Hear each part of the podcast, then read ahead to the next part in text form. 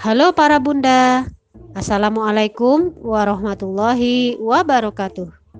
Selamat datang dan selamat mendengarkan kajian tematik pendidikan berbasis fitrah untuk fitrah kebundaan dalam program pendampingan Bunda Hebat, Bunda Bahagia. Bersama kami, Hebat Community. Saya, Bunda Desi, selaku pengantar menuju ruang dengar Anda, mengucapkan Selamat menikmati dan selamat belajar.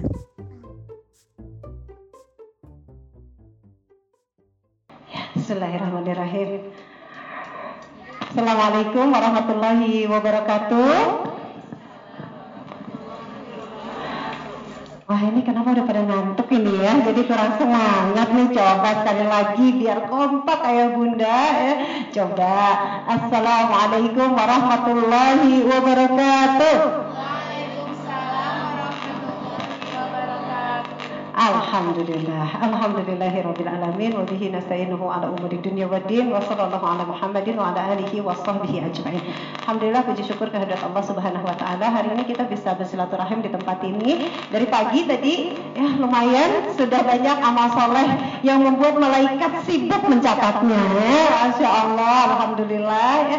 Mudah-mudahan menjadi kebersamaan yang diberkahi sampai nanti kembali lagi ke rumah insya Allah.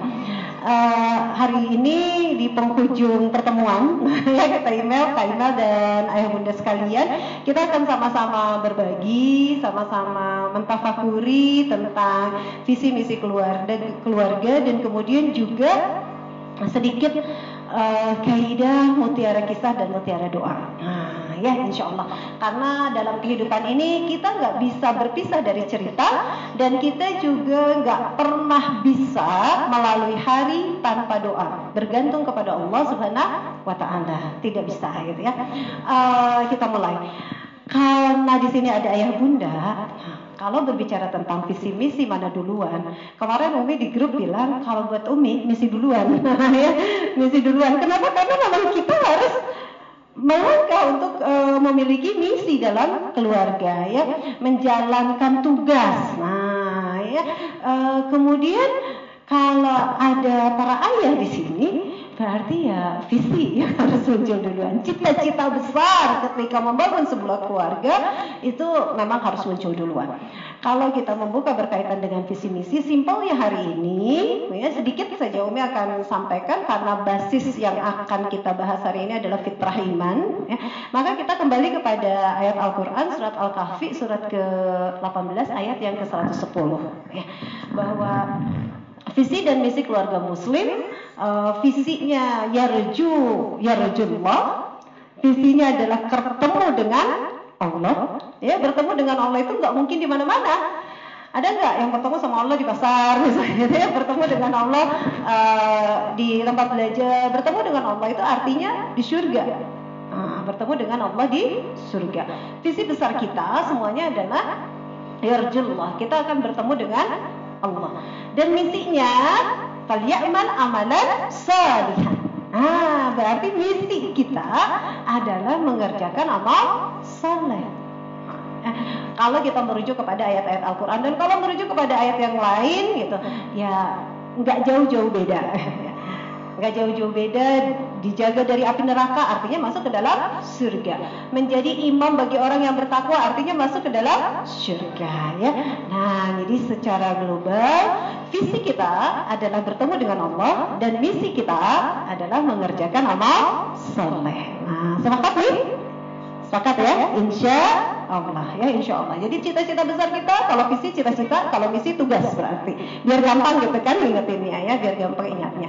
Nah uh, kita mulai dari cita-cita para ayah wah sekarang ini ada ayah ya kalau Umi biasanya suka ngasih tugas ini disediain alat tulis enggak Enggak ya, karena udah lepas juga sih sebetulnya tadi mau nulis nah nanti jadi tukeran nah, ya berdua. Tapi kayaknya kita nggak pakai metode itu, kita pakai metode yang uh, memang akan apa ya istilahnya mah lebih berasa.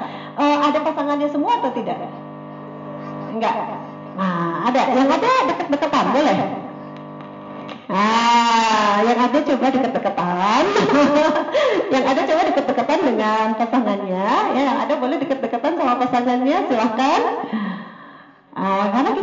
berbicara tentang visi dan misi dulu ya sebelum berbicara tentang bagaimana bunda menjadi bunda pencerita, ayah menjadi ayah pendongeng, dan bagaimana kita bisa uh, mendapatkan keberkahan-keberkahan dari doa. Udah deketan nih ayah bunda? Masih ingat saat-saat momen-momen kita beberapa tahun ke belakang ketika ijab kabul itu dinyatakan? mungkin bisa dikenang dikenang momen-momen indah saat itu ya Masya Allah ya. Dengan cita-cita besar kita untuk mewujudkan sakinah mawadah warahmah. Ingat apa yang dikatakan oleh Naif penghulu. Naif ada yang ingat apa yang dikatakan oleh penghulu semoga keluarganya seperti keluarga siapa Rasulullah dan Khadijah seperti keluarga Ibrahim dan Sarah, seperti keluarga Yusuf dan Zulaikha. Biasanya gitu ya. Nah, ingat ingat bisa diingat kembali memori beberapa tahun ke belakang. Nah, ya, diingat seperti itu. Dan para ayah pada saat itu bersalaman dengan orang tua kita, wali kita, ya yang bunda-bunda bersalaman momentum pengalihan. Pengalihan tanggung jawab dunia dan akhirat. Jadi ketika bersalaman begitu, ketika bersalaman di dalam akad, ya, contoh kita bersalaman, ya, nah, sebentar lagi, sebentar lagi nih menjadi doa ya, ayo kita doakan Bismillah, tapi bukan terima yang bersalaman dengan. Nah, para bersalaman ini ayah bersalaman, para ayah bersalaman dengan walinya bunda. Pada saat itu, gimana pertanyaannya? Saya terima. Nah, pada saat kalimat saya terima itu mengalir itu tanggung jawab dunia dan akhirat mulai mengalir dari ujung tangan mengalir ke ujung kepala sampai ke ujung kaki. Jawab dunia dan akhirat bunda kenapa bunda harus taat pada suami? Karena tanggung jawab dunia dan akhirat bunda ada pada suami. Sampai Rasulullah mengatakan, jika dibolehkan manusia bersujud kepada manusia, maka aku akan perintahkan para istri bersujud kepada suaminya. Kenapa? Karena pengaliran tanggung jawab itu sudah diambil secara penuh. Nah, ya jadi kita mengingat momentum itu ya kita mengingat momentum ini dan sekarang kita bangun cita-cita besar kita bangun rumah kita ya untuk memiliki visi besar bertemu dengan Allah di surga tidak sendirian karena ketika mengalir tadi teh teh ya mengalir seperti ini tadinya kan sendirian ya dari rumah cuma diantarin doang Masuk kamar jadi berapa? Jadi berdua kan? Nah, bersama berdua sekarang ada yang sudah bersebelas. Oh, bersembilan, bersebelas ya? Sudah bersebelas, Masya Allah. Menyalip ini luar biasa. Masya Allah. Ada yang sudah bertiga, berempat, berlima. Ya. Nah, kita tidak ingin, Umi harap ayah tidak ingin nanti kembali sendiri ke surga sendiri, tapi ke surga bersama dengan keluarga. Itulah visi kita. Itulah visi kita. Sepakat ya hari ini ya? Sepakat?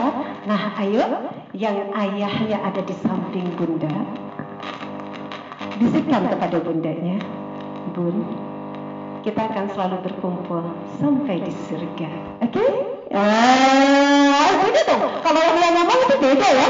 Coba selama ini coba ngacung pun ada nggak yang ayahnya pernah ngomong seperti itu di rumah? Bisik-bisik pun kita akan selalu ngumpul sampai di surga ada nggak? Belum ada? Ayo lakukan sekarang, nggak apa-apa. Ayo lakukan sekarang. Kamu apa nih yang nggak datang sama ayahnya nyesal ya? ayo yang ada, yang dekat, ayo lakukan. Dan penuh kasih sayang kita semua merem ya. Ayo, yang lain berdoa dengan gayanya masing-masing. Nah, yang ada pasangannya silahkan bisikan visi besarnya untuk bersama keluarga sampai di surga. Silakan, dreng dreng, kita kasih waktu dua menit.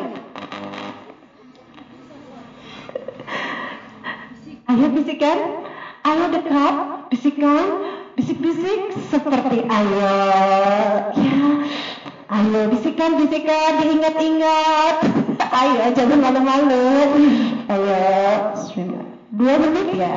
Dua menit cukup lama. Bisikan dengan penuh cinta. Dengan penuh kasih sayang, dengan penuh ketulusan, dengan orientasi yang panjang ke depan, insya Allah. ya, ya, ya. Insya Allah siap selesai. Iya, sekarang giliran para bunda. Para bunda menyampaikan komitmennya sebagai pengemban visi yang akan menjalankan aktivitas sehari-hari. Mohon doa restu dari suaminya.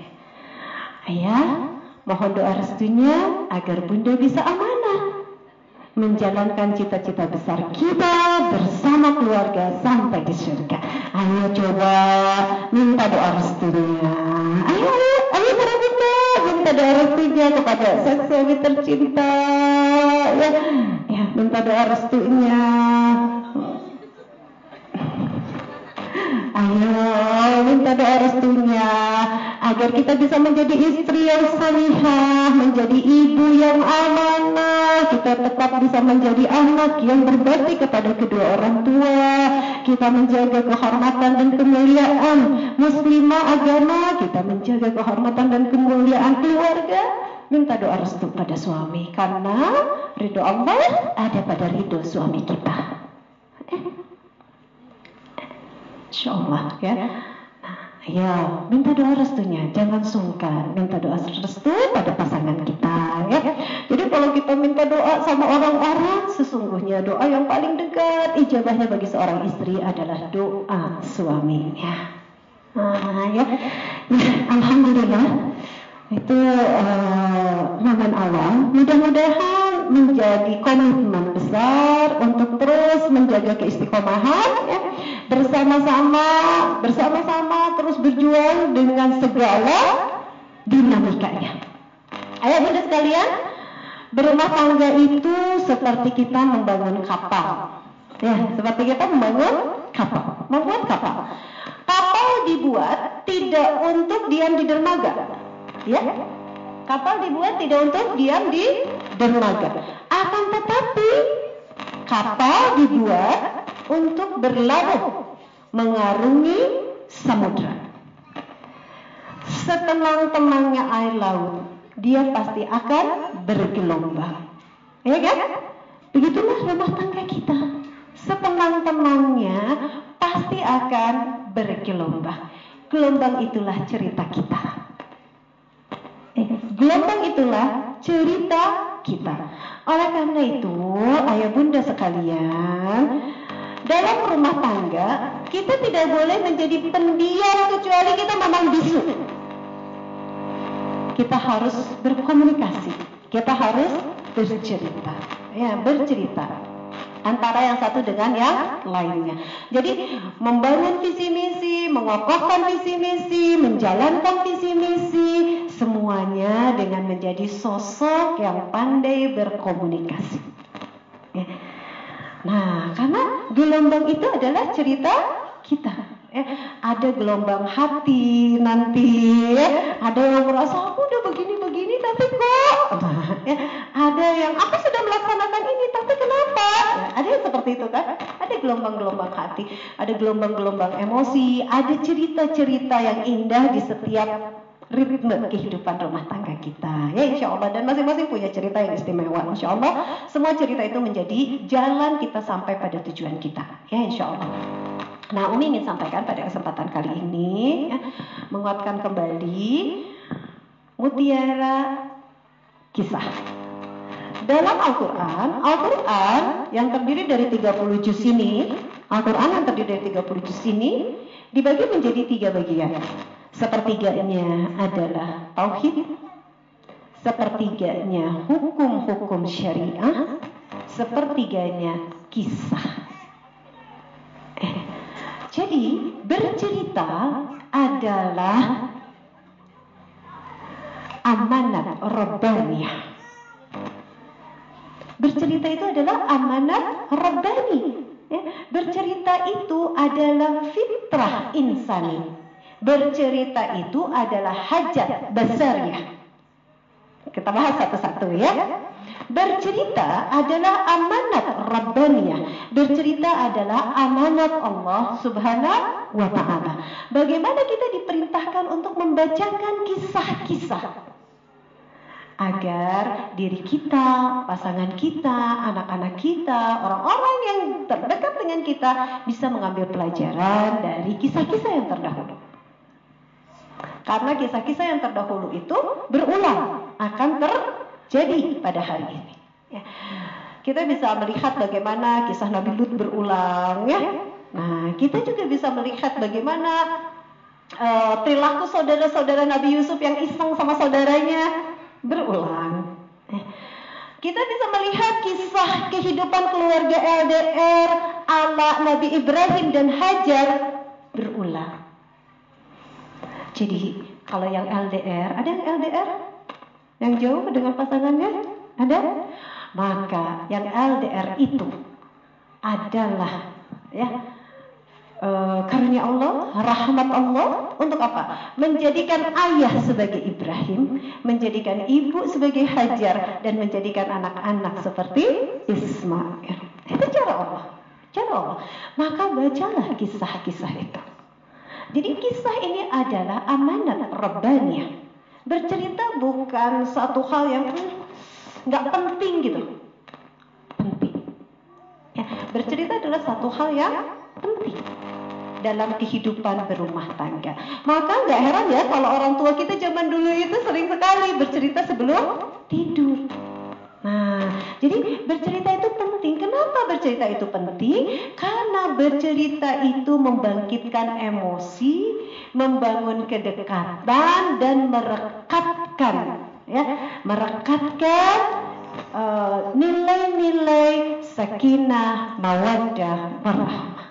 Itu cerita, cerita.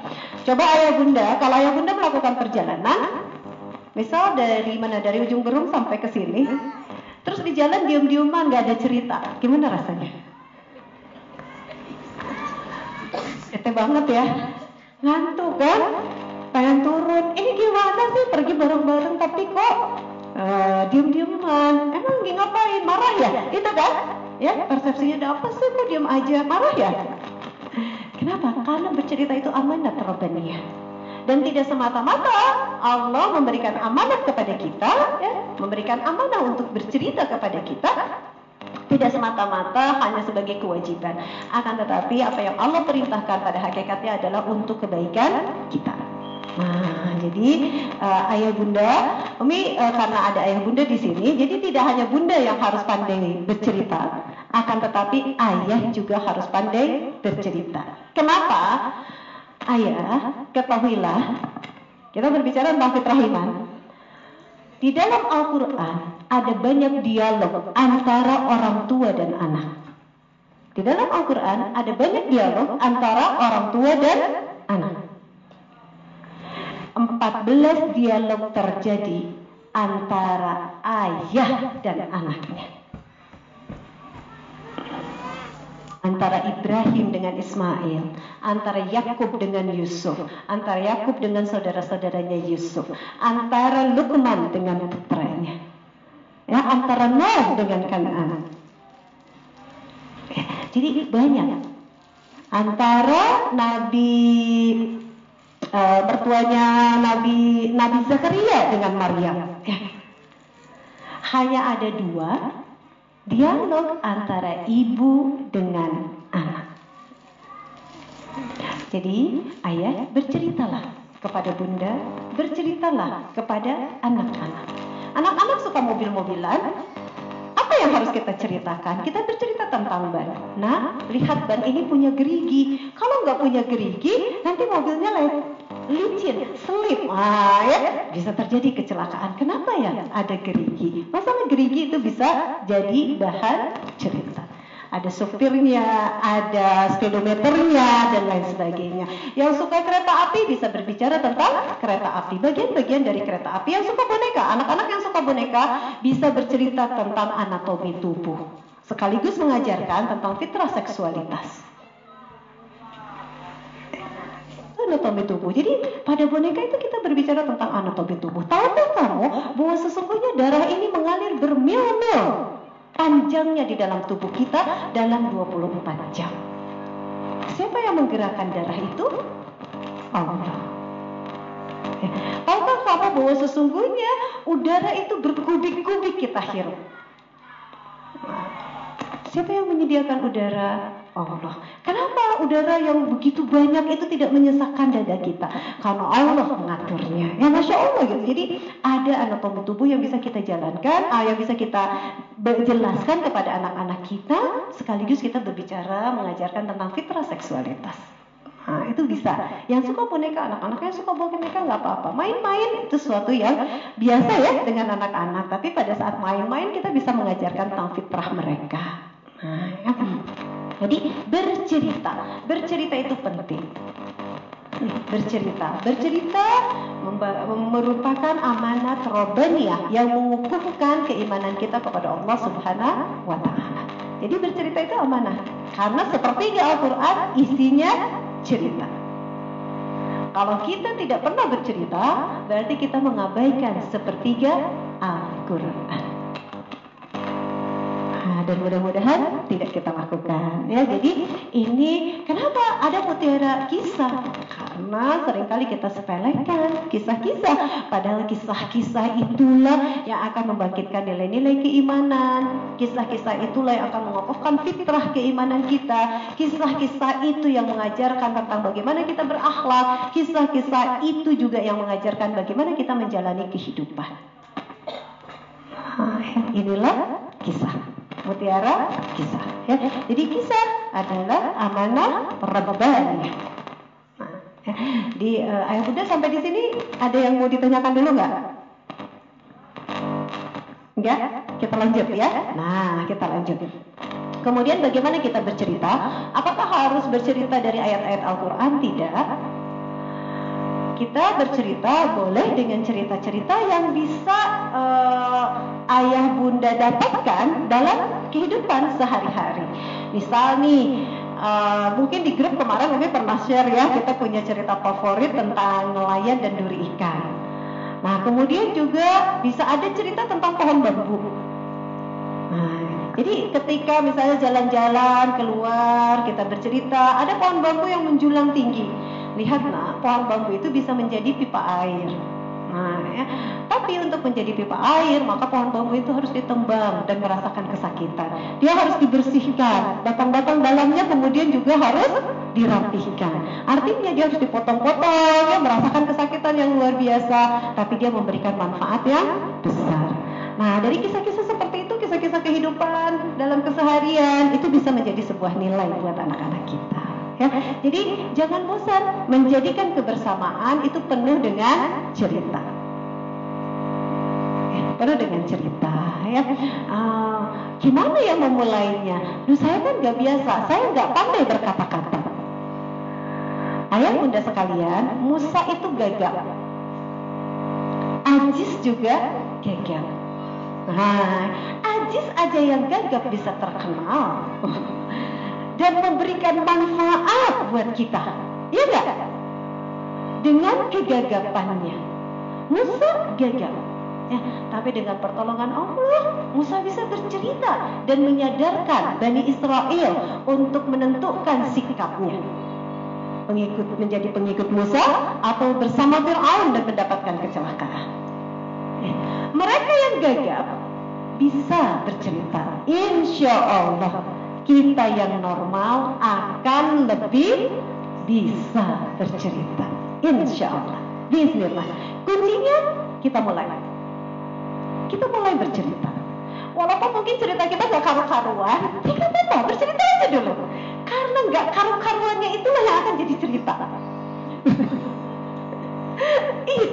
Jangan ya sama dia semua ngomong apa sih GJ banget misalnya gitu kan GJ-nya itu yang bakal jadi cerita nah, ya dan GJ itu nanti yang bakal jadi nilai jadi kalau GJ itu gimana sih? Nggak jelas, ih mending gak enak banget. Oke deh, kalau gitu kita sepakat ya. Mulai sekarang kita harus jelas. Wah, ini jadi cerita dan jadi nilai. Jadi, masya Allah ya.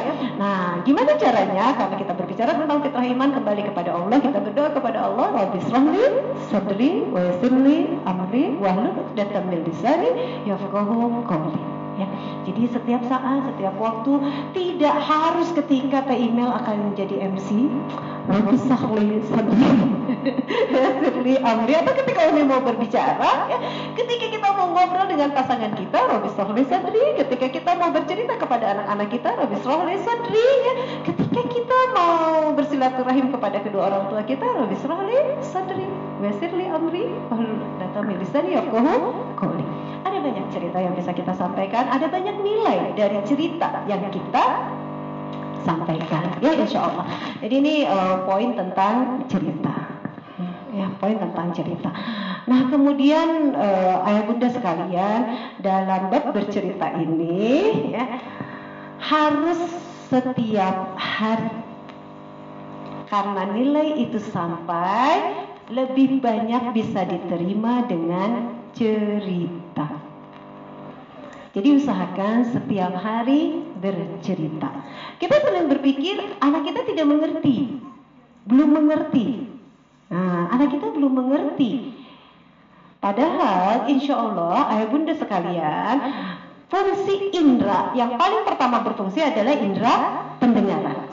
Fungsi indera yang paling terakhir berhenti berfungsi juga pendengaran. Ya, manusia diturunkan ke bumi dengan akal dan pikiran. Jadi ceritakanlah nilai-nilai yang positif, kabarkanlah berita gembira. Ya. Insya Allah pada dasarnya anak-anak kita mengerti nanti pada waktunya. Kabarkan saja, ceritakan saja. Ya, walaupun pertama bingung apa sih, pernah nggak? Ayah bunda diceritain sama mungkin sama orang tua diceritain zaman dulu kamu tuh nanti begini begini begini kita tuh uh, ngerti sekarang ketika kita berumah tangga oh iya ini maksudnya. Pernah nggak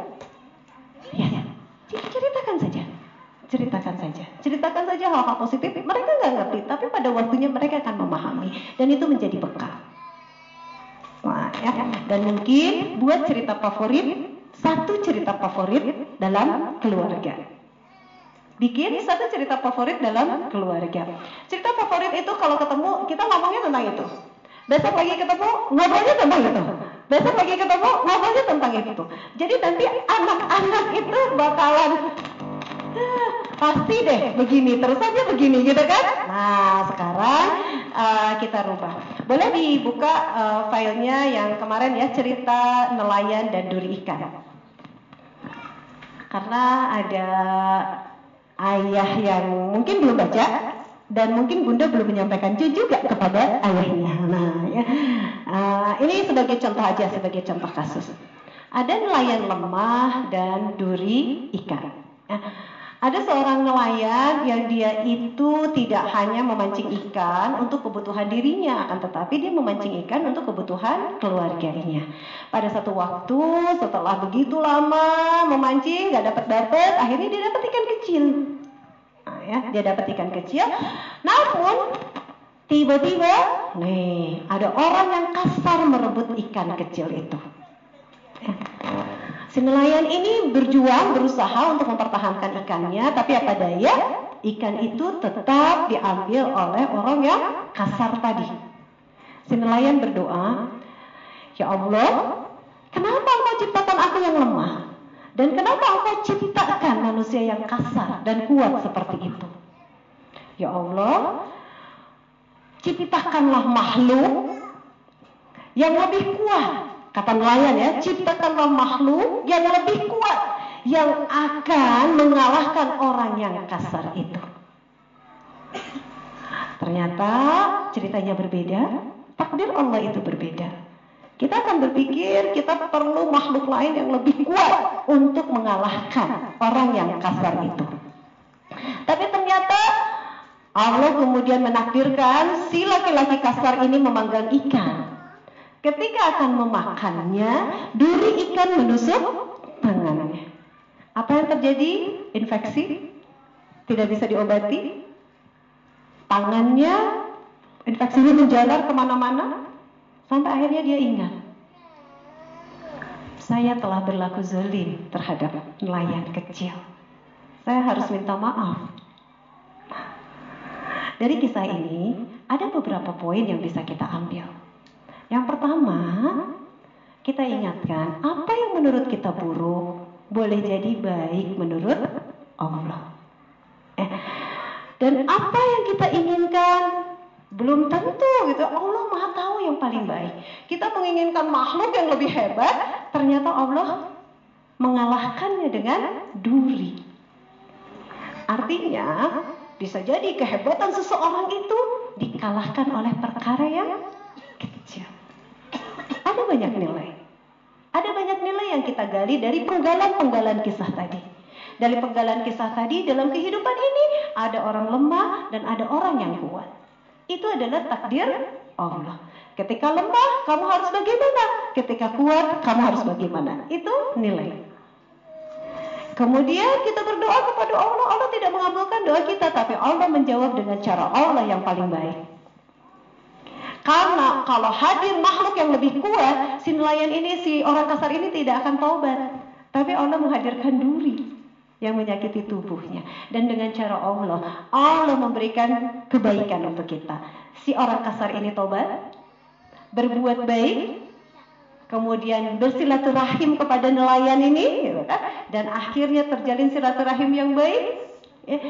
Dia melakukan kebaikan, si nelayan ini mendapatkan kebaikan dari orang kasar tadi tanpa mengurangi kebaikan yang dilakukannya. Jadi banyak cerita, banyak poin-poin yang bisa kita gali ya bersama bersama dengan anak-anak kita. Ya cerita aja. Cerita mungkin penggalannya hari ini kita ngambil poin yang mana, besok ngambil poin yang mana, besok ngambil poin yang mana. Ya, bisa bebas bercerita. Nah, ya. Jadi uh, ayah bunda sekalian, buatlah cerita favorit dalam keluarga. Jika ada cerita Nabi yang memang menjadi cerita favorit nggak apa-apa. Tapi jangan biarkan kita, jangan biarkan anak-anak didoktrin. Ini harus begini endingnya, ini harus begini. Biarkan mereka berekspresi dengan caranya. Biarkan mereka melanjutkan cerita itu dengan imajinasinya. Kita tinggal mengarahkan saja.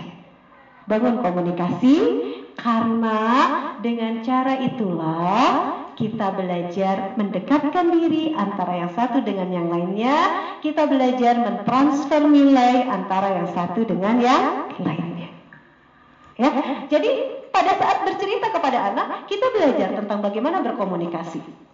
Ayah, ini gak jelas banget sih ceritanya. Oh, berarti kan besok lagi kalau cerita harus lebih jelas. ya, Bunda, kecepatan deh ngomongnya. Oh, berarti besok lagi kita kalau ngomong harus lebih pelan, lebih teratur belajar. Ya, bercerita menjadi media belajar untuk kita orang tua dengan anak-anak. Maka cerita itu adalah amanah Rabbaniyah. Ya, insya Allah. Nah ini uh, dari sisi fitrah keimanan. Mungkin nanti dari sisi fitrah bakat dan perkembangan bercerita itu berbeda lagi ya nilainya ya. Tapi dari sisi fitrah keimanan itu adalah amanah Rabbani. Dan siapa pun yang menjalankan amanah Rabbaniyahnya kata Allah ya. Hal jazaul ihsan illa ihsan. Tidak ada balasan bagi kebaikan kecuali dengan kebaikan. Jadi jangan pernah menganggap ah, ngapain sih nggak ada kerjaan gitu kan? Ah, kayaknya nggak seru banget. Kayaknya uh, ayah masih punya pekerjaan yang lebih penting. Ibu masih banyak agenda yang harus diselesaikan. Ah, ya. Jadi ayo eh, Lakukan, berceritalah, insya Allah Allah akan membalas kebaikan yang kita lakukan dengan kebaikan yang jauh lebih baik. Ya, insya Allah. Nah kemudian poin terakhir yang ingin kami sampaikan pada kesempatan kali ini adalah doa. Mutiara doa. Hidup kita tidak akan pernah bisa berlepas dari Allah. Dan kita diajarkan dengan sebuah kalimat yang sangat simpel di awal surat Al-Fatihah yaitu Bismillah. Eh, ayah bunda sekalian, awali semua doa, awali semua ikhtiar, semua pekerjaan kita dengan satu kata, yaitu Bismillah. Itulah doa yang akan mendatangkan rahmat. Bismillah. Bi artinya kita sumpah. Kita bersumpah hanya menyebut satu nama yang maha mulia, yang maha hebat, yang maha suci, yang maha kuasa, yaitu Allah. Coba sekarang ayah bisa sebutkan satu nama yang paling terkenal di dunia. Ada yang mau menyebutkan satu nama yang paling terkenal di dunia? Saat ini ya, yang paling terkenal atau paling menjadi idola? Ada yang kepikir terlintas sebutkan saja. Rasulullah. Ada lagi? Hmm? Mark Bill Gates. Nah, ya. Bill Gates orang yang paling kaya. Kemudian Mark Ah, Mark Zuckerberg. Apa sih? Yang punya Facebook. Nah, Marx yang punya uh, uh, Facebook, Jokowi yang sekarang jadi presiden. Ah, ya. Kemudian Rasulullah Shallallahu Alaihi Wasallam panutan kita, ya teladan kita. Coba sandingkan nama-nama mereka dengan nama Allah. Mana yang lebih tinggi? Tetap nama Allah.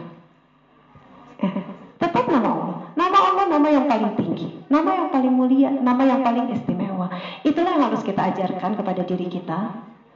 Kita tanamkan kepada anak-anak kita dan kita kuatkan kepada pasangan kita. Kenapa? Karena sering kali pasangan itu berhadapan dengan fitnah ketika mereka mencari nafkah. Nama Allah di nomor dua kan dibanding nama bosnya. Ya enggak? Kita ingatkan Bismillah. Ya. Bismillah menyebut satu nama yaitu Allah. Para ulama sepakat kalimat Bismillah adalah kalimat isti'anah, kalimat permohonan, sumpah sekaligus permohonan. Kenapa? Karena kita hanya bermohon meminta kepada Allah. Tidak ada yang maha rahman dan maha rahim, tidak ada yang memiliki kekuasaan, kekayaan, kekuatan, kecuali hanya Allah.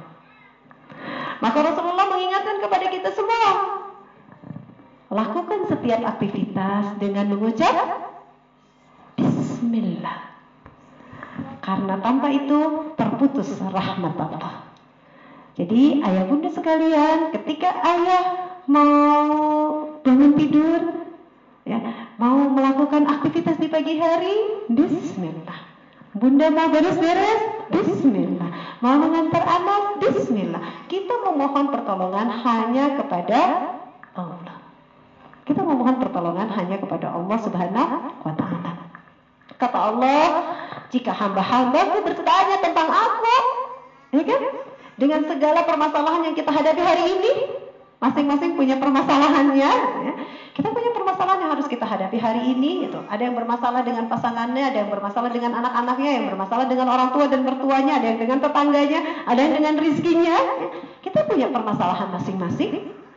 Maka sebutlah satu nama, yaitu Allah. Bismillah. Rasulullah bersabda dalam hadis yang diriwayatkan oleh Imam Tirmizi Barang siapa seorang muslim ya jika seorang muslim berdoa dengan doanya zunnun dengan doanya Nabi Nabi Yunus zunnun dengan doanya Nabi Yunus ya, dan ia berada dalam masalah maka Allah akan memberikan pertolongan. Maka ya, tidaklah Allah akan memberikan uh, ya kecuali kepadanya Allah akan memberikan pertolongan kata Rasulullah. Jadi doanya Nabi Yunus apa? La ilaha illa anta Subhanaka inni kuntu minas. Kita perhatikan adab berdoa. Eh, jadi adab ketika kita berdoa kepada Allah, berdoalah dengan penuh ketundukan. Bismillah.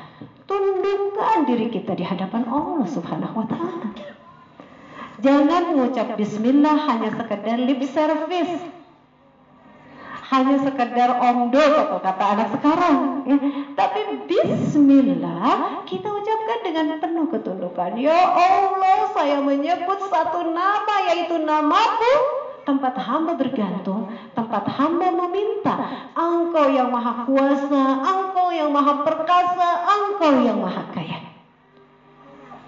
Bismillah. Berdoalah dengan penuh ketundukan hati. Tidak sekedar ketundukan lisan. Ah, ya, bismillah. Bismillah. Nah, berdoa seperti itu. Kemudian yang kedua, ada berdoa adalah berdoa dengan penuh sukacita. Berdoa dengan penuh kegembiraan, berdoa dengan penuh keyakinan, berdoa dengan penuh pengharapan kepada Allah Subhanahu wa taala. Setiap hari adalah hari-hari penuh zikir dan doa kita nggak usah banyak-banyak. Satu kata ya yang dibiasakan Bismillah. Umi yang ingin menyampaikan hari ini mutiara doa kita Bismillah. Ya, Bismillah. Kenapa Bismillah? Bismillah itu kalimat dalam Al-Quran. Ayah bunda sekalian, ayah bunda bisa buka surat Asy-Syu'ara ayat yang ke-192 sampai 195. Nanti bisa dibuka di rumah surat Asy-Syu'ara ayat 192 sampai 195. Kalau bunda menerima hadiah dari ayah, rasanya gimana? Senang?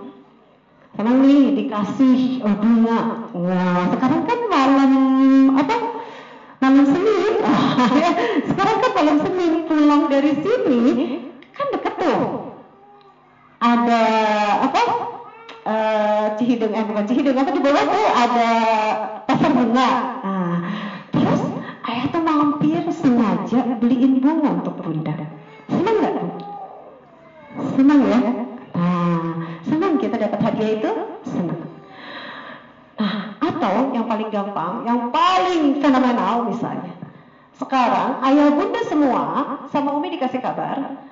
bahwa ayah bunda mendapatkan hadiah untuk melaksanakan ibadah haji ke tanah suci di tahun 1441 Hijriah. Hadiahnya langsung dari Raja Salman, gratis haji dengan fasilitas bintang 5. Kira-kira senang nggak? Ah, senang ya? Senang ya?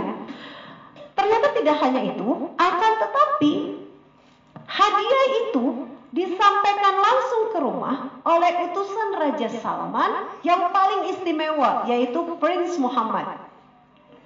Kira-kira gimana? Oh, Masya Allah, gitu ya, terharu kita. Prince Muhammad mengajak orang yang paling spesial dai sejuta umat hari ini datang langsung menyampaikan hadiah itu misalnya Abdul Somad ya, atau atau Agim atau siapa gitu ya. Dai yang memang datang ke rumah kita secara langsung menyampaikan hadiah itu bagaimana pun rasanya luar biasa ya kan? Umi hanya ingin mengamanatkan satu kalimat dari Al-Quran Bismillah. Ayah bunda sekalian Bismillah adalah hadiah dari Allah yang menciptakan Raja Salman. Disampaikan melalui malaikat yang paling utama yaitu malaikat Jibril. Diutus kepada manusia yang paling istimewa yaitu Rasulullah Sallallahu Alaihi Wasallam. Sampai ke dalam bagian tubuh kita yang paling utama yaitu hati. Anda qalbika. Coba bunda sekarang jujur, ayah juga jujur. Ketika membaca kalimat Bismillah, mendengar kalimat Bismillah, mengucapkan kalimat Bismillah dengan menerima hadiah haji dari Raja Salman, mana yang dirasa lebih menggembirakan? Ayo jujur. Ya. Sebagian mengatakan kayaknya lebih senang saya dapat haji. Ya? Yang tergetar dengan bismillah, Masya Allah. Kita harus merasa bersyukur dengan satu kalimat Bismillah. Kenapa? Dengan bismillah kita bisa berhaji. Karena dengan bismillah kita bisa mendapatkan kata yang diterima. Bahkan lebih dari itu. Tidak hanya berhaji, tapi kita bisa menghajikan. Tidak hanya kita menginap di hotel, tapi kita bisa memiliki hotel. Dengan kalimat bismillah. Bahkan dengan kalimat bismillah kita akan memiliki hotel yang paling indah. Yaitu sebuah rumah di surga Firdaus. Nah, jadi ayah bunda sekalian, inilah mutiara doa hari kita hari ini. Ya. Berdoa dengan Bismillah, penuh ketundukan kepada Allah, penuh keyakinan kepada Allah, penuh kegembiraan. Jadi ketika kita mengucapkan Bismillah, kita gembira. Bismillah, jangan mengucapkan Bismillah di hadapan setrikaan yang setumpuk. Ayah menghadapi membaca Bismillah gitu ya, menghadapi pekerjaan di kantor rutin yang begitu jelimet Bismillah dengan muka keruh. Tapi ucapkanlah Bismillah dengan penuh keyakinan, dengan penuh kebahagiaan, dengan penuh kesyukuran kepada Allah Subhanahu. Karena bismillah adalah mutiara doa kita. Kemudian bismillah. Poin berdoa. Selain dengan ketundukan, selain dengan keyakinan, pengharapan dan cita-cita, lakukan jangan tergesa-gesa. Baca dengan penuh tumanina. Jangan mentah-mentah sudah? Bismillah, bismillah, bismillah. Tapi bacalah dengan tartil. Kata Allah, warattilil Qur'ana tartila. Bacalah dengan tartil. Jangan tergesa-gesa. Ketika membaca bismillah, berhadapan dengan anak-anak, nah, anggap anak-anak kita. Kita Kita ingat, anggap Pak pasangan kita. Wah, Pak Imam jadi biji jiwa terus ya. Dan kita berdoa. Apa loh? Bismillah Kita minta sama Allah Kalau ini istri kita Bismillah ya Allah Dia akan jadi bidadariku di surga Dia kini jadi bidadariku di dunia Dia jadi istri solihah Yang akan menjaga kehormatan rumah tangga Ketika membaca Bismillah Tatap anak-anak kita Bismillah Engkau penyejuk hati Pembetrap jiwa jadi ayah bunda Bismillah. Jangan tergesa-gesa. Jangan kayak gini. Bismillah, sini terima. Anak mau pergi. Bismillah. Cuk sana. Mama masih mau ngerjain yang lainnya. Buru-buru. Eh, jadi berdoa dengan penuh tumanina. Bismillah memiliki makna yang luar biasa. Isti'anah, kalimat permohonan. Dan Allah berjanji, barang siapa bermohon kepada aku kata Allah, astajib lakum. Pasti akan Allah kabulkan. Ya, jadi jangan tergesa-gesa. Atas hasilnya bertawakallah kepada Allah. Jadi poinnya ada empat dalam mutiara doa kita hari ini. Yang pertama, mulailah dengan ketundukan kepada Allah. Yang kedua, teguhkan dengan keyakinan, harap dan baik sangka kepada Allah. Yang ketiga, tidak tergesa-gesa, maknai dan jiwai setiap doa kita. Dan yang keempat, atas hasilnya bertawakallah kepada Allah. Ya, insya Allah mudah-mudahan uh, menjadi pertemuan yang berkah buat semuanya. Ini tidak bisa berpanjang lebar. Uh, silakan praktekkan karena kita harus jadikan ilmu ini berbuah dua. Eh, dalam teks dan konteks fitrah keimanan, ilmu yang dipelajari seperti yang sering dikatakan oleh Ustadz Hari, setidaknya harus berbuah dua. Yang pertama, membangkitkan keikhlasan dan yang kedua, membuat kita mau beramal. Iya kan? Sering disampaikan oleh Ustaz Hari ya, seperti itu ya. Jadi ketika kita belajar, dalam momen-momen seperti ini, momen-momen pembelajaran, kita sama-sama belajar, kita mendapatkan ilmu, maka jadikan ilmu ini berbuah ikhlas, jadikan ilmu ini berbuah amal. Jangan menjadi orang yang rugi, yang kemudian punya ilmu tapi tidak diamalkan, punya ilmu tapi kemudian tidak membangkitkan keikhlasan. Ya insya Allah uh, mudah-mudahan bisa dipahami agak ke sana ke sini hari ini ya bicaranya tapi mudah-mudahan bisa diterima dan jadi ilmu yang berlimpah rahmat Allah. Allahumma arinal haqqa haqqa warzuqna tibaa. Mudah-mudahan Allah jelaskan yang benar itu benar dan kita semua diberikan kemampuan untuk mengamalkannya. Wa arinal batila batila warzuqna istinaba. Dan mudah-mudahan Allah jadikan yang salah itu jelaskan, yang salah itu salah dan kita semua diberi kesanggupan, diberi kesabaran, diberi kekuatan untuk segera meninggalkannya. Ya. Poin pentingnya Cita-cita harus dibangun. Bunda-bunda, tugas harus dikerjakan. Ya, misinya harus dikerjakan. Ya, cita-cita harus terus dikuatkan. Ayo mulai bercerita dan berkahi kehidupan kita dengan doa. Ya, insya Allah nggak usah panjang-panjang dengan satu kalimat Bismillah. Ya, mudah-mudahan Allah melimpahkan kebaikan dan keberkahan kepada semuanya. Kalau astagfirullah wa. Assalamualaikum warahmatullahi wabarakatuh.